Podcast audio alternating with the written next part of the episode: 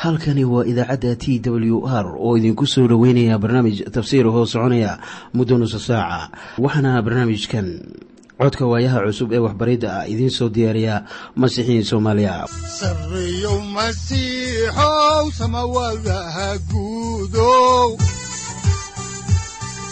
siraadkii adduunkow subanaha eebow sareyow masiixow samawadaha guudow siraadkii adduunkow subanaha eebow adigoo samaada jiro ifkan soo saldhiganba adigoo samaada jiro ifkan soo saldhiganba kutubtiisanaye sifahaaga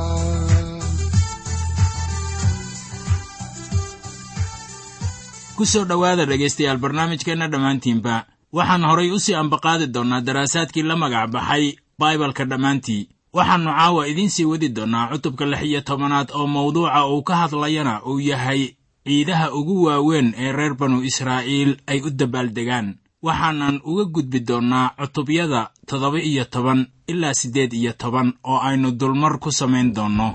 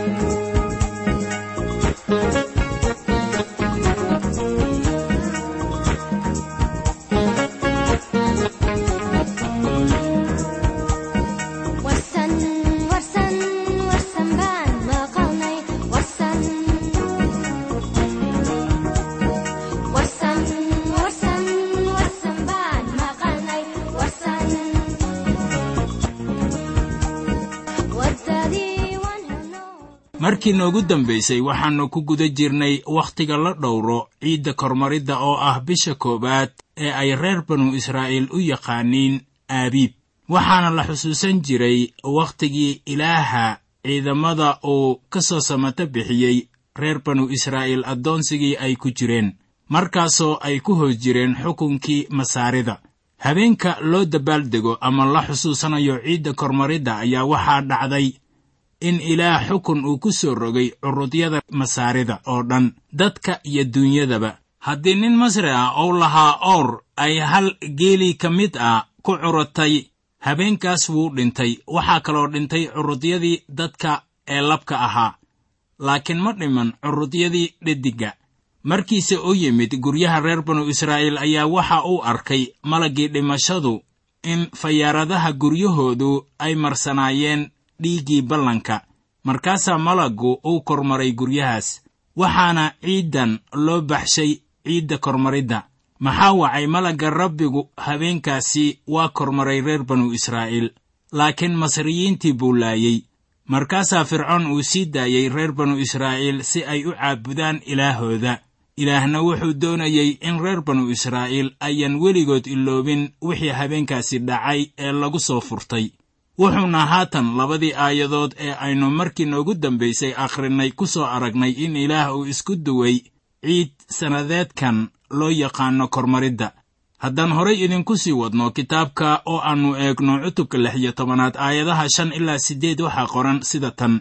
Idinma bannaana inaad allabariga iidda kormaridda ku bixisaan irdihiinna gudahooda oo rabbiga ilaahiinna ahu uu idin siinayo laakiinse meesha rabbiga ilaahiinna ahu uu dooranayo inuu magiciisa dhigo waa inaad allabariga kormaridda ku bixisaan. Markay fiidka tahay oo qorraxdu dhacdo oo ah xilligii aad masar ka soo baxdeen hilibka waa inaad dubtaan oo ku cuntaan meesha rabbiga ilaahiinna ahu uu dooranayo. Oo subaxdii waa inaad noqotaan oo tendhooyinkiinna tagtaan. Lix maalmood waa inaad cuntaan kibis aan qamiir lahayn. Oo maalinta toddobaadna shir quduus ah waa inaad u qabataan rabbiga ilaahiinna ah oo maalintaas waa inaydnaan waxba shuqul qaban. Taasuna waa sida loo dhowrayo ciidda kormaridda. Waa in hal meel lagu dhowraa meeshaasuna waa yeruusaalem ragga reer banu israa'iil oo dhan waxay ahayd inay aadaan yeruusaalem wakhtigaas iminkana aynu eegno iidda bentekost oo toddoba toddobaad kadib la qabto haddaan horay idinku sii ambaqaadno xigashada kitaabka sharciga ku noqoshadiisa ayaannu eegaynaa cutubka lix iyo tobanaad aayadaha sagaal ilaa kow iyo toban. Waxaana qoran sida tan. Waxaad tirsataan toddoba toddobaad oo haruurka taagan. Markaad manjada ku bilowdaan kolkaas waa inaad bilowdaan inaad tirsataan toddoba toddobaad. Oo iiddii toddobaadyada ee rabbiga ilaahiinna ah waa inaad ugu samaysaan waxyaalaha aad ikhtiyaarkiinna gacmaha ugu bixisaan oo taas waxaad u bixisaan sida rabbiga ilaahiinna ahu uu idin barakadeeyo.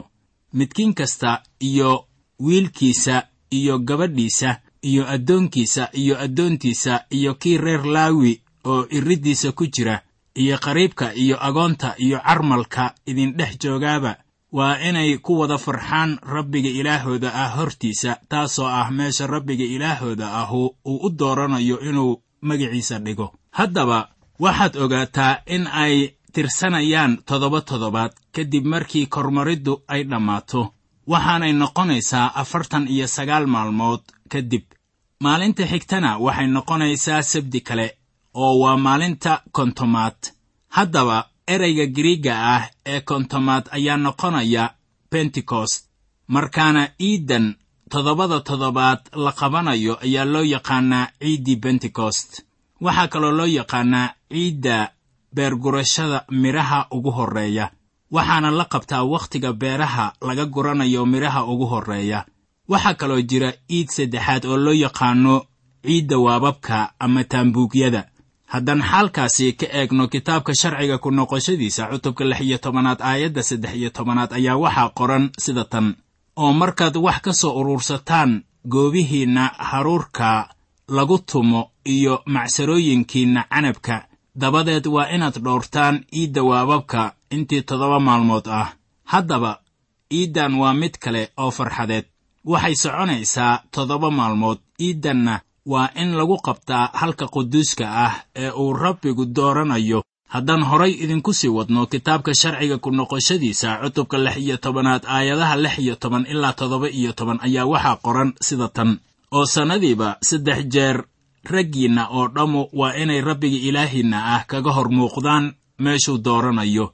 Oo saddexdaas jeer waa iidda kibista aan khamiirka lahayn iyo iidda toddobaadyada iyo iidda waababka oo waa inaanay iyagoo fara maran rabbiga hortiisa ka muuqan. Nin waluba waa inuu bixiyo wixii uu awoodo sida ay tahay barakada rabbiga ilaahiinna ahu uu idiin siiyey. Haddaba kuwaasu waa ciidaha saddexda ah ee ay tahay in ragga ama wixii lab ah oo dhammi ay ka qayb galaan iyagoo isugu tegaya yeruusaalem saddexda goor ayay sannadkiiba isugu imaanayaan yeruusaalem si ay u dhowraan ciidahaas. Waxay iyaga oo dhan u ahayd wakhti farxadeed. Waxaad ogaataa inay ahayd in rabbiga ay ka hor muuqdaan iyagoo faraxsan. Iminkana waxaynu eegaynaa maaddada ah xaakinnada ilinka haddaba cutubkan wuxuu ku soo xirmayaa amarada ku saabsan xaakinnada innagoo xaalkaasi baranayna ayaa waxaa ku qoran kitaabka sharciga ku noqoshadiisa cutubka lix iyo tobanaad aayadda siddeed iyo tobanaad sida tan.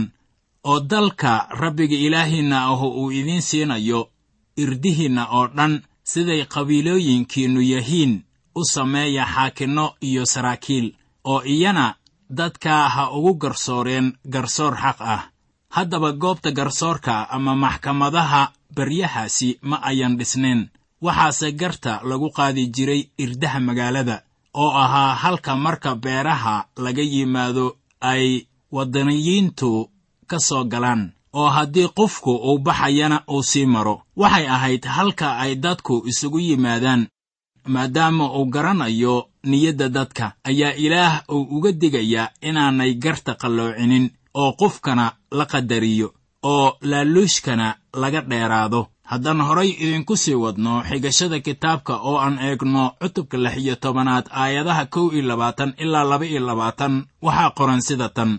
Oo meesha allabariga ee rabbiga ilaahiinna ah oo aad samaysan doontaan agtiisa ha ka beeran geed aasheeraah cayn kastoo uu yahay toona oo hana qotonsan tiir uu rabbiga ilaahiinna ahu necab yahay maadaama geedaha aasheerka ah lagu xidhiiriyo sanam caabudka iyo dembiyada kale ee maalintaasi ayaa iminka laga digayaa iyadoo ay ugu wacan tahay sababtaas ayaa laga mamnuucayaa inay beertaan geedkaas loo yaqaano sheeraah geedkaas ayaa asnaamta iyo meelaha wax lagu bixiyaba laga samaysan jiray maadaama ilaah oo ka soo hor jeeday caabudista qurumihii karaahiyada ahaa ayaa waxaa qasab ah inay ka dheeraadaan wax kasta ee lagu sifeeyo sanam caabud haddaan mar kale intaasi ku soo koobno dulmarkii cutubka lix iyo tobanaad ayaannu haatan idiin bilaabaynaa cutubka toddoba iyo tobanaad. Mawduuca cutubka toddoba iyo tobanaad wuxuu ku saabsan yahay dilka kuwa sanamyada caabuda iyo kuwa dawladda ka soo hor jeesta ama caasiyiinta noqda. Wuxuu kaloo ka hadlayaa sharciga quseeya boqorka ama taliyaha marka aynu joogno cutubka toddoba iyo tobanaad iyo kan siddeed iyo tobanaad ayaannu soo gaaraynaa qaybta qusaysa xeerka maaraynaya boqorka wadaadka iyo nebiga. Saddexdaas jago ayaa kuwa qadarin weyn ku leh qaranka israa'iil ahaa. Marka la eego xukunka rabbaaniga ah ee ilaah uu u sameeyey dadkan ilaah wuxuu u soo dejiyey shuruuc mid waliba oo ah jagooyinka aynu kor ku soo xusnay waxaannu ku bilaabaynaa maaddada qusaysa qurbaanka aan iinta lahayn. Haddaan idiin bilowno xigashada cutubka toddoba iyo tobanaad aayaddiisa koowaad ayaa waxaa ku qoran sida tan. Rabbiga ilaahiinna ah waa inaydan allabari ugu bixin dibi ama wan ay ku yaallaan iin ama wax xun oo kale. Waayo taasu waxay rabbiga ilaahiinna ah u tahay karaahiyo ilaah wuxuu hore ugu sheegay in isagu uu leeyahay curudyada xoolaha. Welibana allabaryada loo bixinayana waa inaan lagu soo darin neef iin leh sida mid dheg go'an ama lug go'an ama rifrifan. Markii aad soo gaarto kitaabka ugu dambeeya ee axdigii hore waa kitaabka malaakiye. Wuxuu qorayaa eedo ilaah uu ku soo oogayo dadkiisa. Dembiyada lagu soo oogayana waxaa u horreeya iyagoo qurbaan ahaan ilaah ugu bixinaya xoolo buka miyaad haddaba garanaysaa inay badan yihiin kuwa xaqnimada sheegta haddana ilaah aan ula macaamiloon si hagaagsan. Haddii kuwaas ay ula macaamiloodaan dadka ama shakhsiyaad gaar ah sida ay ilaah ula macaamiloonayaan waxay gelayaan xabsi. Marka haddii aynu masiixiyiin nahay waxaa wanaagsan inaan dhowrsanaanno. Waxaanad ogaataa inaannu ilaah kaaga baahnayn sac duq ah oo jirran inaad allabarri ahaan ugu bixiso. Saaxiibayaal ilaah dooni maayo inuu qaato waxa inaga soo hara. Wuxuuse doonayaa wax waliba oo aynu leennahay waxa ugu wanaagsan. Sababtoo ah isaga ayaana siiyey. Haddaan intaasi ku soo ekayno faalladii aayadda koowaad ayaannu iminkana eegaynaa maaddada ku saabsan ciqaabta dilka ah ee lagu soo rogayo kuwa asnaamta caabuda haddaan xaalkaasi ka eegno kitaabka sharciga ku noqoshadiisa cutubka toddoba iyo tobanaad aayadaha labo ilaa shan waxaa qoran sida tan. Oo magaalooyinkiinna rabbiga ilaahiinna ah uu idiin siinayo haddii laga dhex helo nin ama naag sameeya wax rabbiga ilaahiinna ah hortiisa shar ku ah isagoo axdigiisa ka gudba oo intuu tago u adeega ilaahyo kale oo caabuda iyaga ha ahaadeen qorraxda ama dayaxa amase ciidanka samada midkood taasoo aanan anigu ku amrin. Haddii laydiin soo sheego oo aad maqashaan markaas waa inaad dadka haybisaan. Bal eega haddii ay run tahay iyo haddii ay xaqiiqo tahay in reer banu israa'iil lagu sameeyey wax karaahiye ah oo ceenkaas ah kolkaas waa inaad irdihiinna keentaan ninka ama naagta waxaan sharka ah sameeyey oo qofkaasu nin ama naag ha ahaadee waa inaad dhagxisaan si ay u dhintaan. Haddaba kanu waa sharci looga soo hor jeedo sanam caabudka. Innagoo ka shidaal qaadanayna amarkan iyo kuwa kale oo tusaale ahaan laynoo siiyey ayaan leennahay ciqaabta uu yeelanayo jibinta amar waliba ee ka mid ah tobanka wasiyadood waa dhimasho. Haddaba dadkii way ilbaxeen waxaana jira kuwo badan oo ka soo hor jeeda amarka dhimashada. Waxaase yaabka leh waxa weeye in dunideenna ay tahay mid sharcigu uu ku sii yaraanayo. Dadkiina waxay ka tegayaan ilaah. Waxaaba quruumaha qaar hiddo u ahaa sanam caabud. Taariikhdii hore ee gariigta ayaa sanam caabudka uu ku badnaa. Dalalka barigana waxay lahaayeen ilaahyo iyo ilaahado fara badan oo been ah kuwaasoo lagu masaalayo qorraxda dayaxa iyo xiddigaha sanamka abollo la yidhaahdo wuxuu ahaa ilaah ku-sheegga qorraxda. Diyaana ayaa iyana noqonaysa ilaahadda dayaxa marka la eego taariikhdii hore ee gariigta waxay caabudaan waxyaabo la abuuray. Intii ay caabudi lahaayeen ilaahii abuuray. Xaggee baa caasinimadani ay ka bilaabatay. Waxay ka bilaabatay qalcadii baabel ee dadku ay doonayeen inay dhisaan munaarad cerka gaarta markaasoo ilaahna luqadahoodii uu isku qasay sida ku qoran kitaabka bilowgii maxay haddaba waxyaabaha kan u caabudayaan?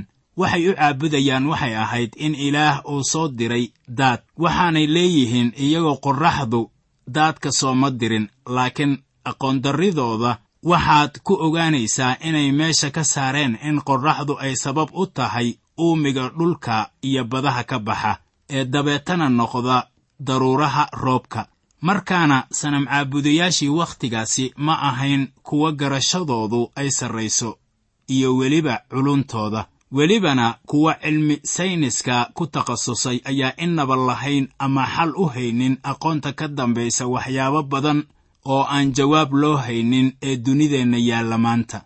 Kuwo badanna waxay la tahay in aqoonta bini'aadamku ay sare u kacday laakiin wax sidaas ah oo ay isbeddeshay ayaanba jirin marba haddii ay sharciyadii ilaah ka doodayaan. Haddaan horay idinku sii wadno xigashada kitaabka oo aannu eegno kitaabka sharciga ku noqoshadiisa cutubka toddoba iyo tobanaad aayadda lixaad waxaa qoran sida tan.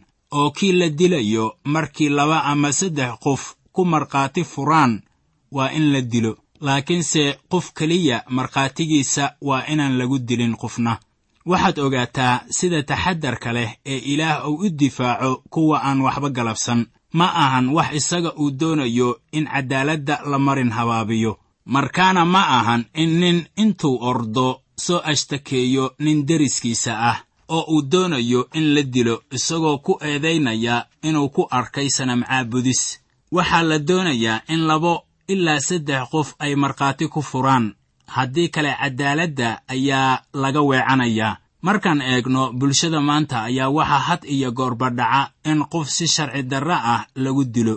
Kadib markii si aan habboonayn loo soo ashtakeeyo waxaan shakhsi ahaan rumaysanahay in maragga beenta ah aan la aqbalin amase in la aamino hal qof ama laba qof. Ilaah xaq buu ku yahay ficilladiisa dhan waliboo laga eego.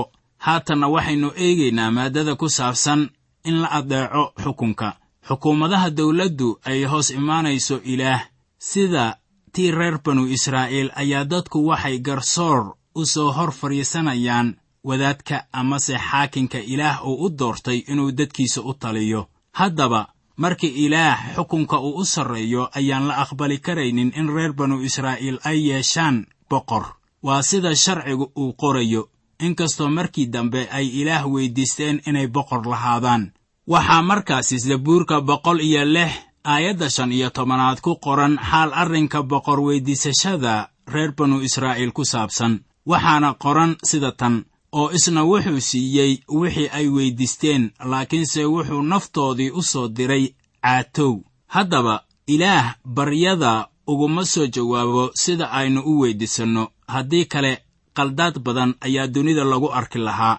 Iminka ilaah sharci buu u dhigayaa oo wuxuu u sheegayaa kan iyaga boqorka u ah. Waxaan eegaynaa aayadda siddeedaad ee cutubka toddoba iyo tobanaad ee kitaabka sharciga ku noqoshadiisa. Waxaana qoran sida tan oo haddii dhexdiinna uu ka kaco xaal garsoorid ah oo idinku adag oo ku saabsan dhiig ama gar ama dhaawac oo xaalkaas irdihiinna gudahooda lagaga murmo kolkaas waa inaad kacdaan oo tagtaan meesha rabbiga ilaahiinna ahu dooranayo haddii laba qof ay ku heshiin waayaan xaal muhiim ah. Sidee baa looga shaqaynayaa? Haddii waxa laysku hayo ay aad ugu adkaadaan xaakinku inuu dawo u helo si arrinka ceenkaas ah loo ogaado ayaa loo baahan yahay inaan eegno. Waxa kitaabku uu ka leeyahay innagoo eegayna cutubka toddoba iyo tobanaad aayadaha sagaal ilaa kow iyo toban. Waxaana qoran sida tan oo waa inaad u tagtaan wadaaddada reer laawi iyo xaakinka wakhtigaas joogi doona oo waa inaad xaalkaas haybisaan oo iyana waxay idiin sheegi doonaan xukunkaas garsooriddiisa oo waa inaad u samaysaan sida xukunka garsooriddiisu tahay taasoo ay idinka sheegi doonaan meesha rabbiga ilaahiinna ahu uu dooranayo oo waa inaad dhowrtaan oo wada samaysaan waxa ay idin bari doonaan oo dhan oo siduu yahay sharciga ay idin bari doonaan iyo siduu yahay xukunka ay idiin sheegi doonaan waa inaad u samaysaan. Xukunka ay idiin sheegi doonaan waa inaydnaan uga leexan xagga midigta ama xagga bidixda toona. Haddaba marka sharcigu uusan daboolaynin xaalad waliba ayaa waxaa loo baahan yahay in xaaladaha dhibka badan ay hor keenaan wadaadka. Waxaanay kaloo ay ahayd in go'aanka la gaaro ay mudiic u ahaadaan haddii wadaadku garta gooyo oo cidigartaasi ay hor istaagto waxay ciqaabtu noqonaysaa dil ama dhimasho. Xaal ku saabsan gargoynta kaasoo la ogsoon yahay inuu inoogu qoran yahay qorniinka ayaa lagu xusay kitaabkii xaagay oo ka mid ah axdigii hore cutubka labaad aayadda kow iyo tobanaad. Waxaa markaasi aan hubaa inay jiraan waxyaabo ay dadka isku khilaafaan. Markii la gargoynayey iyo waxyaabo ayaan isku khilaafi jirin. Markaana sharciga ayaa dhammaan kaafinaya dhibaatooyinka dhex yaalla oo aalaaba looma baahan jirin in wadaadka loo tago. Haddiise ay dhacdo wadaadka ayaa garta galaya. Go'aankiisuna wuxuu noqonayaa kama dambays. Haddaan faalladaasi horay uga soconno oo aan eegno maaddada ah sharciga ku saabsan boqorka. Waxay inoo sheegaysaa sida tan ilaah wuxuu garanayaa in wakhtigu uu imaanayo marka ay boqor weyddiisan doonaan isla sida quruumaha kale.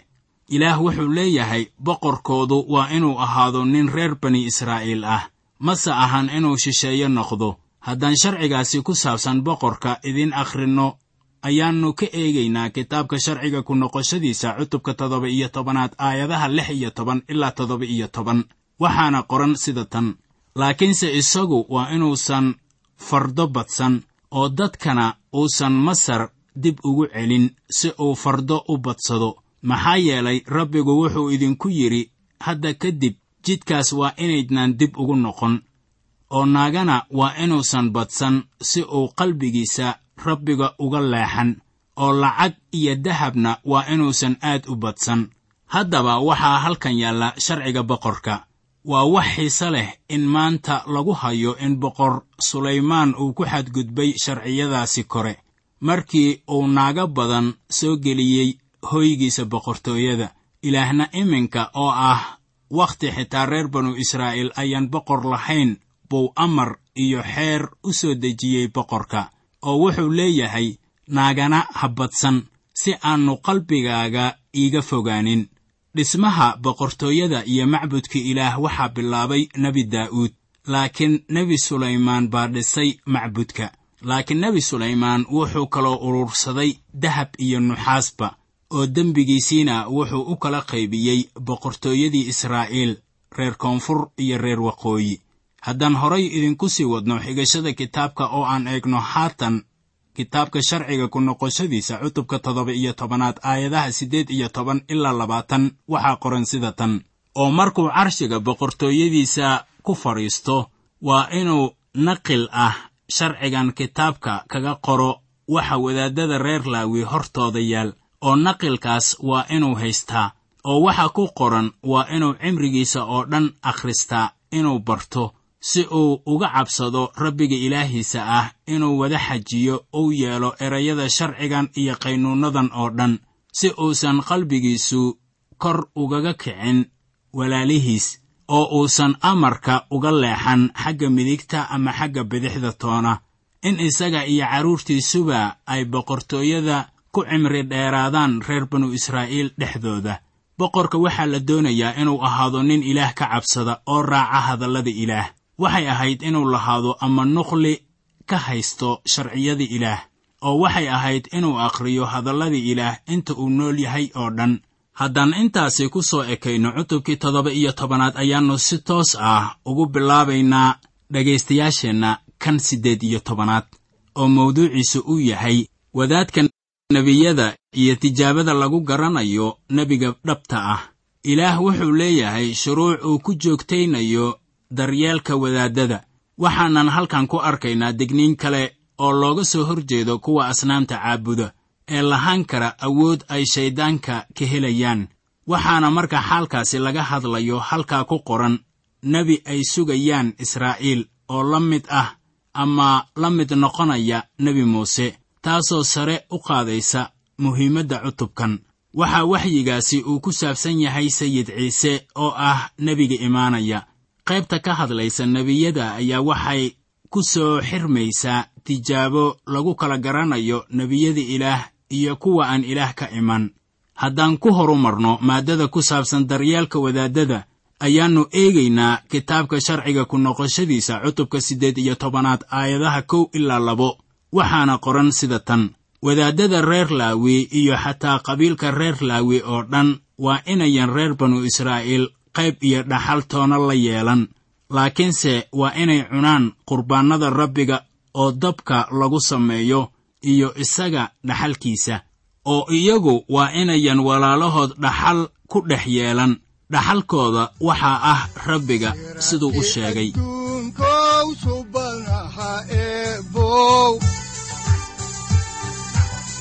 Adigoo samaada jiro ifkaan soo saldhiganba adigoo samaada jiro ifkaan soo saldhiganba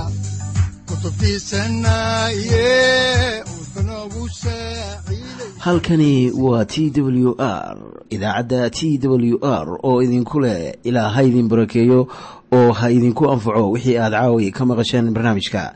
Waxaa barnaamijkan oo kalea aad ka maqli doontaan habeen dambe hadahan oo kale haddiise aad doonaysaan in aad fikirkiina ka dhiibataan wixii aad caawi maqasheen ayaad nagala soo xiriiri kartaan som t w r at t w r c o k e haddii aad doonaysaan in aad dejiisataan oo kaydsataan barnaamijka ama aad mar kale dhegaysataan fadlan mar kale booqo www t w r o r g amase www t t b t w r o r g. Amase waxaad teleefoonkaaga ku kaydsataa ama ku download garaysataa agabyada ku sahli karaa dhegeysiga t w r haddii aad doonayso in laga kaalmeeyo dhinacyada fahamka kitaabka amase aad u baahan tahay duco fadlan fariimahaaga soo mari bogga aaraahda ama kommentska inana jawaab degdeg ah ayaanu ku soo diri doonaa amase ku siin doonaaye.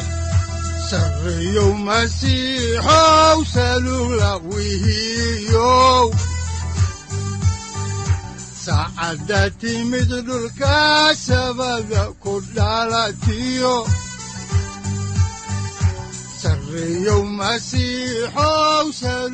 halkani waa t w r oo idiin rajaynaya habeen baraare iyo barwaaqaba leh inta aynu ka gaari doono wakhti aynu ku kulanno barnaamij la mida kan caawayay aad maqasheen waxa aan idinku leeyahay nabadda ciise masiix ha idinku badato xagga jidhka iyo ruuxaba aamiin